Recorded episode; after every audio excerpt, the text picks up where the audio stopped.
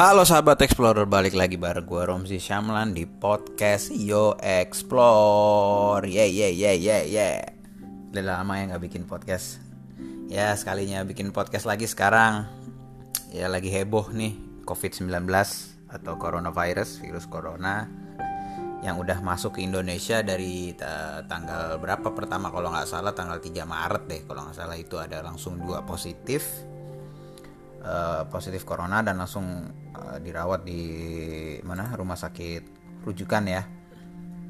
Sekarang udah dan sekarang juga virusnya ternyata makin berkembang makin banyak orang yang kena gitu loh. Sampai hari ini tanggal 19 Maret itu udah ada sekitar 203 kas eh sorry 309 kasus orang sudah positif corona gitu loh. Dan kebanyakan katanya di Jakarta nah jadi sekilas tuh kita mau gue mau bahas sih apa sih itu virus corona gitu loh.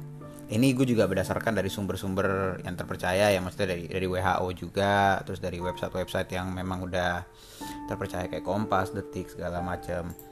Nah jadi uh, corona ini uh, yang pasti corona ini bukan bakteri ini adalah virus. Jadi dia termasuk masih termasuk keluarga dari SARS dan juga MERS MERS apa MERS ya? MERS kalau nggak salah itu yang beberapa tahun lalu sempat booming. SARS juga tuh kalau nggak salah di awal 2000-an itu booming.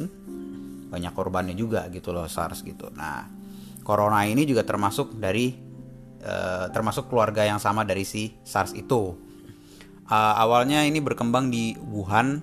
Dari situ langsung ke uh, ke mana? Ke seluruh dunia gitu. Bahkan sampai ke Italia itu juga termasuk parah ya ribuan yang terinfeksi. Bahkan gue denger kemarin kabarnya ada 368 yang meninggal dalam sehari karena coronavirus itu.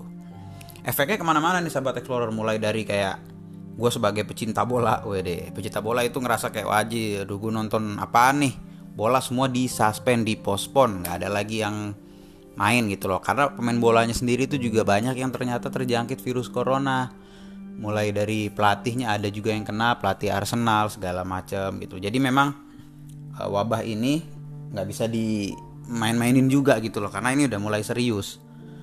Um, walaupun memang tingkat kematiannya itu hanya 2% tapi tetap kita harus tetap waspada tapi nggak panik. Banyak orang yang akhirnya jadi panik larinya ke panik buying tuh kayak kemarin pada di luar negeri ya kalau luar negeri tisu toilet yang habis. Kalau di sini masker dan hand sanitizer habis segala macam gitu kan. Jadi uh, ya sebenarnya memang kedua hal itu pasti diperluin ya hand sanitizer sama masker karena penyebaran virusnya juga bisa lewat uh, apa namanya? Uh, selain uh, nggak udara sih apa? Kalau orang bersin gitu orang bersin apa sih drop dropletnya gitu lah. Jadi kayak misalkan cairan yang keluar dari batuk dan bersin kita itu kalau kena tangan orang lain terus tangan orang lain itu ngusap salah satu bagian di wajah kita kayak mata hidung atau mulut. Nah virus itu bisa masuk. Nah pas sudah masuk itu barulah nanti ada gejala-gejala yang muncul. Tapi yang lebih mengerikan lagi ada beberapa orang yang ternyata positif corona tapi dia tidak ada gejala-gejala yang uh, seperti pada umumnya gitu loh nah jadi uh, kayak gejala-gejala kor virus corona tuh apaan aja sih? Nah, gejalanya tuh kayak ada demam tinggi di atas 38 derajat Celcius, terus ada batuk kering, badan lemas, sakit tenggorokan, sampai yang udah parah itu apa kena pneumonia ya, sesek atau kesulitan bernapas, terus sakit kepala segala macem gitu. Nah, masa inkubasi virus ini sekitar 14 hari. Jadi kalau uh, lo misalnya misalnya ya ada virus itu selama 14 hari sebelum lo nyadarin gejalanya. Jadi setelah 14 hari baru ada tuh gejala-gejala. Nah kalau udah mulai ada gejala ya coba jangan keluar rumah dulu kalau dan memang makin parah baru langsung ke rumah sakit. Rumah sakit e, rujukan untuk virus corona yang ada di Indonesia atau di Jakarta atau di mana pun kalian berada gitu loh jadi gimana sih sebenarnya virus ini menyebar gitu loh nah penyebarnya ini yang tadi gue bilang ya dari droplet pernapasan percikan batuk, bersin dari orang yang memang udah terinfeksi sama virus corona itu akan menempel di permukaan benda atau kulit manusia. Nah, dari situ virus berpindah ke manusia yang menyentuh benda atau kontak fisik sama manusia yang tadi terjangkit. Nah, virus itu masuk apabila tangan kita menyentuh wajah, yang kayak tadi udah gue bilang. Nah, terus pertanyaannya siapa sih yang bisa terresiko kena COVID-19 atau coronavirus ini? uh, yang pasti yang tadi pertama yang ada kontak fisik atau megang benda terus mereka nggak cuci tangan Nah, terus orang yang juga ada orang yang memiliki eh, memiliki eh, resiko tinggi gitu loh.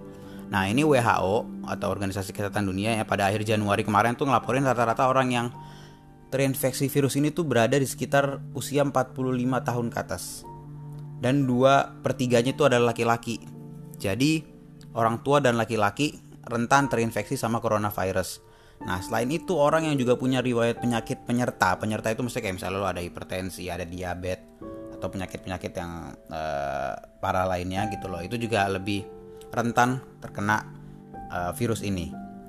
Terus cara penanganannya itu gimana?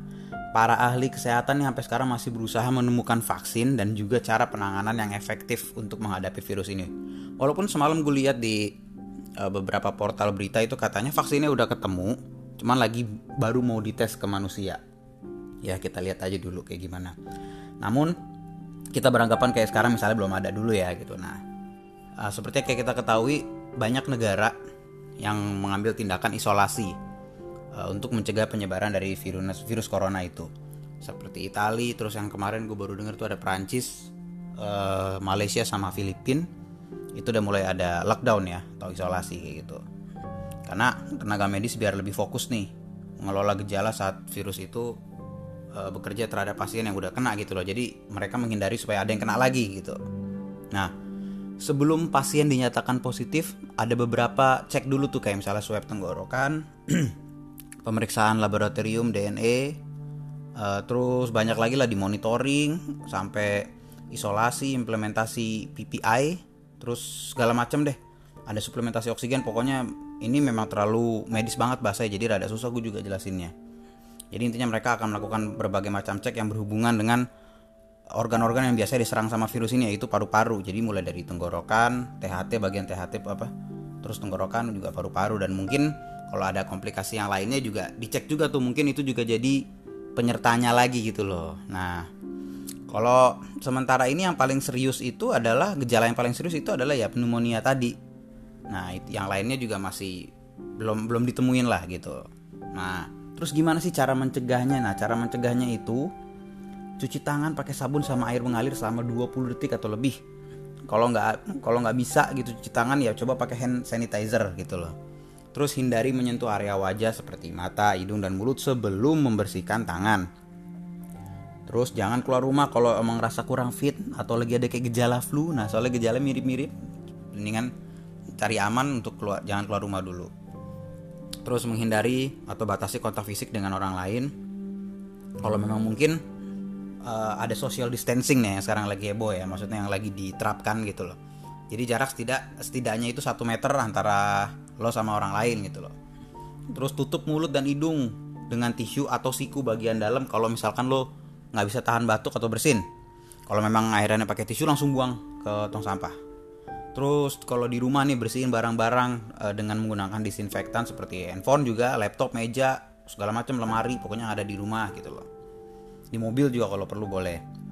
Nah, selain itu juga harus menerapkan gaya hidup yang sehat, mulai dari pola makan, uh, olahraga, hindari begadang deh untuk jaga imunnya gitu loh. Karena kalau sering begadang imun tuh bisa drop, bisa turun. Nah, kalau orang yang drop imunnya itu kemungkinannya juga besar katanya terserang sama coronavirus. Nah, jadi gitu sahabat explorer, walaupun uh, memang uh, jangan panik tapi kita tetap harus waspada. Jadi prepare lah masker hand sanitizer. Kalau ada kalau nggak ada ya udah. Dan sekarang juga pemerintah kan sudah menganjurkan untuk WFH atau work from home. Jadi jangan ngeyel untuk keluar rumah gitu loh. Kecuali kalau memang itu penting banget oke? Okay? yang penting kita tetap berada di zona aman dulu sementara ini yaitu di rumah masing-masing. Dan kalau misalnya ada gejala-gejala yang tadi gue sebutin ya langsung aja deh ke rumah sakit gitu loh. Kita mencoba untuk meminimalisir resiko sebagai pasien yang terjangkit atau sebagai yang bisa menularkan. Jadi kita saling membantu aja gitu. Jadi kita sementara ini harus fokus dan ya kita terus ikutin perkembangannya bagaimana. Oke? Okay? sampai ketemu lagi di podcast berikutnya. Stay safe semua sahabat explorer. Bye bye